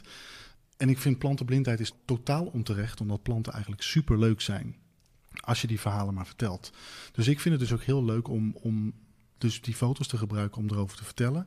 Uh, die foto's te gebruiken zodat... Uh, ik heb een fotopagina, daar staan denk ik uh, nu meer dan 15.000 foto's op. Onderzoekers... en hoe, hoe, vinden mensen die link trouwens? Hoe, um, vinden mensen die fotopagina? Het, het is een P-base pagina, dat is P-basen. En dan de, ze hebben heel veel mensen net zoiets als, als Flickr geloof ik. En dan is het slash gewoon Rogier van Vught. Uh, maar daar knal ik alles op. Dat is een beetje zonnecontent, chaotisch. En is voor mezelf heel makkelijk, want ik kan dan ook fotootjes downloaden. Want mijn, ik ben meer actief zeg maar, op, op Instagram, want dan kan ik dan een, een verhaaltje erbij vertellen. Ja. En soms heb ik wel iets van, oh, ik heb nou echt behoefte aan iets paars, zeg maar wat. Ja, ja, ja. En dan kan ik dus op mijn eigen fotopagina tussen 15.000 foto's kijken van, heb ik iets paars wat met een leuk verhaal? En dan kan ik dus mijn eigen foto downloaden en, en, en, dat, en dat gebruiken. Maar het is een, een heel goed, zowel, uh, uh, ik, die fotopagina is heel leuk omdat ik krijg regelmatig uh, vragen van onderzoekers van mogen we je foto's gebruiken uh, voor onderzoek? En dan vraag je ja, wat, wat vraag je dan, daar dan voor? Maar omdat ik het voor de lol doe, zijn die foto's altijd gewoon gratis om te gebruiken. Het is natuurlijk wel leuk als er een beetje dat, dat de credits worden gegeven. Tuurlijk, en, ja, en, ja. en, soms ook als er boeken worden gemaakt, dan krijg ik zo'n boek of een artikel. Weet je, dan krijg ik dat opgestuurd, want dat vind ik leuk om te zien. En dan vervolgens uh, uh, met, met, met social media, zoals bijvoorbeeld dan Instagram, kan ik het gebruiken om, om eigenlijk mensen enthousiast te maken over planten. En mijn, mijn doelgroep is niet zozeer de mensen die al veel van planten weten, alhoewel ik natuurlijk best wel veel me, mensen die mij volgen die heel veel van planten weten. Tuurlijk, maar ik vind het juist leuk om de mensen uh, uh, uh, naar me toe te trekken die, die denken van, nou, planten zijn boring. Ik had dus pas geleden dus een post gedaan van zo'n zo'n zo'n aronskelk. Die stond bij mij in de tuin en ik maakte die bloem open. En toen kwamen er gewoon allemaal vliegen uit. Ik had dat ook niet verwacht. Maar gelukkig zaten we te filmen. Ja, dat, is de, dat is de Dead Horse Era. Ja, de Dead Horse Era. Ook een, gewoon een prachtige... Dode, de dode paarden. Dood paard Aronskelk. Ja, ja. En, en uh, we zaten te filmen, dus ik heb daar een filmpje van gemaakt en op Instagram gezet. En prompt werd hij dus, is inmiddels meer dan 2 miljoen keer bekeken. En, dat zijn natuurlijk niet alleen maar enorme plantenliefhebbers. Nee, nee, nee. Nou, gewoon, nee. Ik, ik, er zijn echt dat, dat, er dingen als, als uh, ja, mensen, bijvoorbeeld dat ik ineens zeg van, oh, je wordt gevolgd door Georgina Verbaan. Ik denk, wat ontzettend grappig. Ja, ja, dat ja. is iemand die ik nooit zelf zou, zou, zou linken aan bijvoorbeeld planten. Maar dat ik het wel heel leuk vind dat, dat zo iemand dat dan ten eerste opmerkt en dan vervolgens denkt van leuk, daar wil ik meer van weten. En dit is dan natuurlijk een bekend persoon, maar al die andere personen die niet bekend zijn, daar geldt exact hetzelfde voor. Mensen die dan ineens wakker worden geschud van planten zijn, planten zijn eigenlijk best leuk. Want, want als je bijvoorbeeld een reclame ziet van de Wereld Natuurfonds, het is een vis, een pandabeer, uh, een vlinder, nog een vis. Uh, Oké, okay, even een shot van een jungle, dat er toch een paar bomen op staan en dan nog, nog een vogel en dergelijke, maar geen planten. En dat is een ja, zijn planten dan echt zo stom? En dat zijn ze niet. Dat, dat weet jij, dat weet ik. Heel veel mensen om ons heen die weten dat. Maar we moeten wel zeg maar de advocaat daarvan zijn of, of de ambassadeur daarvoor zijn. Moet om dat dat, een stem geven. Om ja. dat te, te laten zien. En dat is voor mij ook die, die, die, die, die, die reden ook om dat te doen. Dus uh, om die planten te, zor- de, te zoeken. En dan een paar planten hebben een leuk verhaal. Dus die kan ik dan posten. En de rest neem ik dan mee. Dat, dat fotografeer ik dan voor mezelf. En dan kan ik dat heel een beetje semi-autistisch indelen op een fotopagina. Dat vind ik natuurlijk heel leuk. Want dan op een gegeven moment had ik natuurlijk 15.000 foto's. En dan, ja, dan krijg je zoiets van hoe leuk zou het zijn. Want ik kan die foto's namelijk. Um, ik upload ze één keer, maar dan kan ik ze vervolgens in meerdere albums zetten. Dat vind ik het leuk aan P-Base. Dus ik kan zo'n foto van zo'n Cucchiera uit Madeira in het mapje Madeira zetten. Maar ik kan hem ook zetten in het mapje uh, Orchidee van Europa, ik zeg maar wat. Maar ik heb op een gegeven moment kwam het idee in me over van hoe leuk is het om een doorklikbare APG-systeem te maken. De APG-systeem is zeg maar de stamboom van alle planten. Een bloemplanten. Blo bloem, blo ja, bloemplanten. Angiosperm phylogeny group. Uh, Precies. Ja, ja, ja, ja, ja. ja. En dan, dus ik denk, waar begin ik in godsnaam aan? Maar ik, al die albumpjes maken is dus al een ding. Want je moet al die vertakkingen maken. Dus je begint zeg maar bij de basis. En dan elke keer dat, dat de, de, de stamboom vertakt, kan je dus een keuze maken. Van oké, ik ga nu deze tak nemen. En dan ga je dieper en dieper en dieper in die stamboom. Totdat je uiteindelijk bij een, bepaalde plant uh, uh, uh, uitkomt. En dat vind ik dan heel leuk, want iedere keer als ik dan nieuwe vakantiefoto's heb gemaakt en ik heb dat albumpje klaar van het land, dan denk ik, oké, dan kan ik ze nou in de APG-stamboom uh, gooien. Die wordt dus dikker en rijker en steeds uitgebreider. En dat vind ik dan heel leuk, omdat ik ben zelf totaal een totale chaot. Als je mijn bureau ziet, zowel thuis als hier, dat is gewoon een, een, een, een, een lichtelijke chaos, laat ik het zo zeggen. Toen uh, de trouwambtenaar bij, bij ons uh, thuis kwam, En dan moet je ook voorstellen, wij, wij, wij nemen, we hebben toen vier Coco de Mer meegenomen. Van, van, van, ook voor de hortus, ook voor de hortus, maar overal liggen, liggen, liggen gekke dingen thuis. En, en uh, dus die trouwambtenaar die zat bij ons thuis en zei, ja, jullie hebben zo'n leuk huis, het is net een museum. En toen zei ik tegen haar, nou ja, nee, het is geen museum. Het is een museumdepot. ja, ja, dat, uh, dat, dat, dat, is wat anders. Dus dan ben ik echt totaal chaotisch. Maar als het dan gaat om uh, dat, dat digitale dergelijke, dan allemaal gerangschikt op orde en, en dingen. Ja, en je, en je kan die posters dus gratis. Dus deze posters nou, die dus een, eigenlijk een inzicht geven in hoe de, alle bloemplanten zeg maar uh, evolutionair ingedeeld worden. Ja, dat is de poster. Ja, dat, we hebben er ook een poster, ja, je hebt een poster, over gemaakt. gemaakt. Ja, die kan je ook downloaden. Die, die, ook, en die stel je ook weer gratis En dat is ook gratis. En dat was ook heel leuk. Dat is een samenwerking met, uh, met, uh, met James Bing. James is een, een, een Brit. Die, dat is ook fantastisch. Ik weet niet of dat echt gepast is om dat hier te zeggen. Maar hij, hij, ging, hij kwam naar Nederland toe om een beetje te, te studeren. En hij kreeg ook een, een Nederlandse vriendin. En nou ja, dat wist ik. Dat was hartstikke, hartstikke leuk. En op een gegeven moment zei hij, zei hij tegen mij... Ik ben op zoek naar een huis in Nederland. En het eerste dat ik zei was een grapje. Ik zeg, heb je je vriendin zwanger gemaakt of zo? En ik kwam echt zo heel schuchter een ja, uit. denk okay. maar dat maakt niet uit. Hij heeft het, uh, heeft het uh, is heel, heel grappig. Hij heeft uh, inmiddels twee zoontjes. Het zijn net klonen van hem. Maar hij is inmiddels de directeur geworden van de Hortus in Delft. En, en hij is ook echt een briljante botanicus. Echt ook gewoon, het zit gewoon in zijn systeem, zeg maar. En, en samen met wat andere mensen ook echt bekende ja, mensen die veel, dus zeg maar die APG-boom hebben, hebben gemaakt en dergelijke, hebben een soort van semi voor de lol zo'n poster gemaakt. Uh, de APG, de, gewoon de, de, de bloemplanten. En die is gratis beschikbaar. Die is volgens mij inmiddels al 30.000 keer gedownload. Hij hangt in het Smithsonian Institute. Ik zie regelmatig botanici die dan ergens een presentatie geven. Dan op de achtergrond zie je dan je eigen poster hangen. Dat is dan heel leuk. Er is een Chinese versie inmiddels van. Er is een versie met uh. Uh, een versie met alleen maar de, de, de dus de eenzaadlobbige. Uiteindelijk gaan we inzoomen op de orchideeën. Dus wat op de ene poster één naam is in het hele geheel, is op de derde poster de complete poster. Dus dan zie je ook hoeveel één woordje op de ene poster werkelijk inhoudt. Want dat is dan een complete familie met, met 30.000 soorten. Ja, super gaaf. Er wordt soort fractalen bijna. Hoe verder ja, ja, je inzoomt, ja, hoe meer dat weer aan het vertakken is. We weten alleen nog niet inderdaad waarom nou al die, uh, uh, waarom al die strontvliegen in die, in die uh, Dead Horse Aaron zaten. Oh ja, ja. Nou, ja. nog eventjes. Ja, ja, ja, ja, ja. Nou, die, die, die plant die, die wordt bestoven door vliegen. Wederom, er zijn allerlei soorten bestuivers. En, en deze bloem die stinkt heel erg. En, en lijkt ook echt een beetje op, ja, het is ook een beetje een, het lijkt ook een beetje op een dood dier. Wat ja, het, het, het, heeft een, een, een kleur van een soort van, van ja, een dood zoogdier. En dan zitten er allemaal zwarte haren op. Dus het ziet er echt een beetje onsmakelijk uit. Maar wel heel intrigerend. Ik, ik vind ze zelf wel heel mooi om te zien. Ja, ja is een prachtige plant. En de, ja, ja de, in de eerste dag dan bloeit die plant vrouwelijk. Dan, uh, dan trekt hij allemaal vliegen aan met, met, met de stank. Die duiken in de bloem. Um, die zitten daar een beetje rond te hangen, omdat ze denken dat er wat uh, te eten te halen is. En de volgende dag dan stopt de plant. Of nou om de eitjes te leggen, toch? Lijkt mij. Ja, maar goed, die eitjes gaan allemaal dood. Ze denken dat in het, ze doen het wel. Ze doen het, het zat helemaal vol met eitjes. En dan de, de volgende dag, dan gaan zeg maar de vrouwelijke bloempjes zijn dan dood. En dan gaan de mannelijke bloempjes open. En dan stopt die plant eigenlijk met stinken, zodat de vliegen bedekt met stuifmeel weer naar buiten gaan. Nou, ik wilde het stuifmeel oogsten. Um, en dat was de reden dat ik hem had geplukt en open aan het snijden was. Maar er was blijkbaar iets misgegaan met de vliegen. Dus die waren helemaal niet naar buiten gegaan. Dus ik snij die. Gelukkig sneed ik hem heel voorzichtig. Want ik had er ook zomaar dwars doorheen kunnen snijden. Natuurlijk. Maar ik snee hem heel oppervlakkig open. En ik maakte hem open terwijl Peter aan het filmen was. Met het idee van dan kan ik mooi laten zien hoe, die, hoe de werkelijke bloempjes eruit zien ja, aan de binnenkant. Ja, ja, nou, en er kwamen echt uh, volgens mij honderd uh, vliegen kwamen er. Het leek wel een horror scene. ja, heel erg horrorachtig. En vandaar dat hij dus helemaal viral is gegaan op, uh, op, op Instagram. Ja, ja. Ja. Maar dat is wel heel mooi hoe je eigenlijk met woord en beeld dan op die manier inderdaad. Kijk, als je het alleen vertelt, dan is dat ook smeuig en ook heel aardig en voor een podcast zeer geschikt natuurlijk. Maar ja. het is natuurlijk nog gaver als je het ook nog eens een keer dan erbij kan, uh, kan ja, zien. Ja, dus ik raad ook zeker mensen aan om, om in ieder geval jou op Instagram te volgen. Want wat je deelt inderdaad is altijd wel echt heel mooi, uh, heel mooi gecureerd. Ik, ik post niet zo heel veel. Uh, ten eerste omdat ik qua tijd, maar ook omdat ik, ja, ik kan soms best wel irriteren aan mensen die Om de haverklap. ja, ja, ja. Maar het is ook gewoon, ik, ik ben ook wel iemand die vindt. Um, kijk, ik, ik vind Instagram en social media heel leuk.